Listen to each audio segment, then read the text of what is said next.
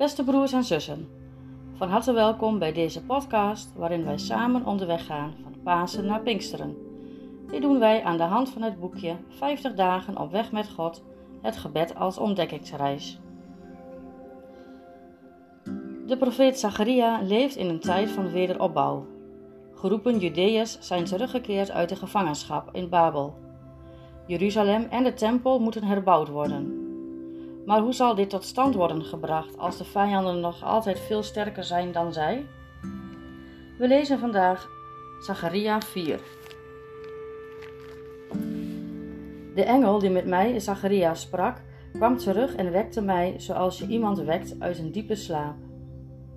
Wat zie je? vroeg hij, en ik antwoordde: Ik zie een lampenstandaard die helemaal van goud is, met een schaal erop en op die schaal zijn zeven lampen bevestigd, zeven lampen met elk zeven tuitjes. Daarnaast staan twee olijfbomen, één rechts en één links van de schaal. Wat betekent dat, mijn heer? Weet je niet wat dat betekent? vroeg de engel die met mij sprak, en ik antwoordde: Nee, heer. Toen zei hij: Luister, dit zegt de Heer over Zerubabel. Niet door eigen kracht of macht zal hij slagen, zegt de Heer van de hemelse machten, maar met de hulp van mijn geest. Voor Zerubabel verandert zelfs de hoogste berg in een vlakte. Onder luid gejuich zal hij de gevelsteen aandragen.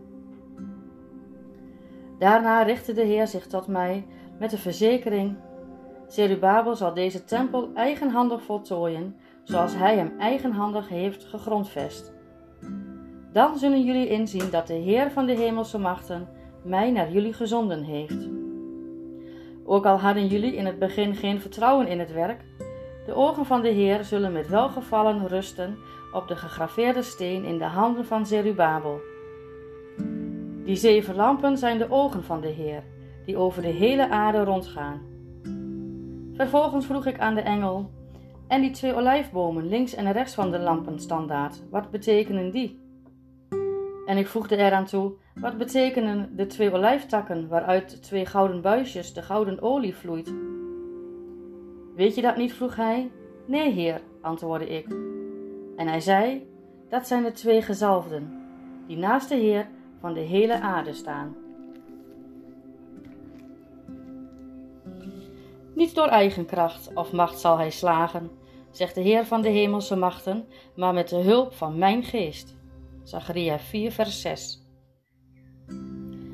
Als je graag wilt dat je dochter van 16 zich houdt aan de regels, hoe kun je dat dan het beste aanpakken? Je kunt het proberen met grof geschut. Als je niet luistert, moet je een week binnen blijven en krijg je geen zakgeld. Een harde hand kan wel eens nodig zijn, maar over het algemeen is het beter om te praten. Probeer je dochter te laten zien waarom jouw regels belangrijk zijn. Dit is één voorbeeld van hoe je met overleg vaak meer kunt bereiken dan met geweld. Zo werkt God ook door Zerubabel en zo doet Hij het vaak in onze wereld. Niet door kracht en geweld, maar door Zijn geest. Dat brengt wel beperkingen met zich mee. De geest van God werkt door mensen en omstandigheden heen. Vaak gaat Hij geleidelijk zijn weg zonder dat iemand er iets van ziet. Dat vraagt dus om geloof. Sta je niet blind op de kracht en de macht van de wereld. Laat je niet overbluffen door wat groot en sterk lijkt. Maar vertrouw op God. Door Zijn geest bouwt Hij aan Zijn koninkrijk. Maakt Hij mensen van binnenuit nieuw en werkt Hij aan de verhoring van gebeden. Ook al zie je er nu nog niets van, Hij is bezig. En hoe meer je jezelf door de geest laat leiden, hoe meer je zult zien van Zijn werk in de wereld. Laten we nu samen danken en bidden en het gebed sluit ik af met het lied Jezus vol liefde, u wilt ons leiden uh, uit op toonhoogte nummer 282. Laten we samen danken en bidden. Heilige Geest, wat mooi dat u de hardheid van mensen overwint door uw zachtheid. Help mij om open te staan voor uw leiding en uw stille kracht. Jezus vol liefde, U wilt ons leiden.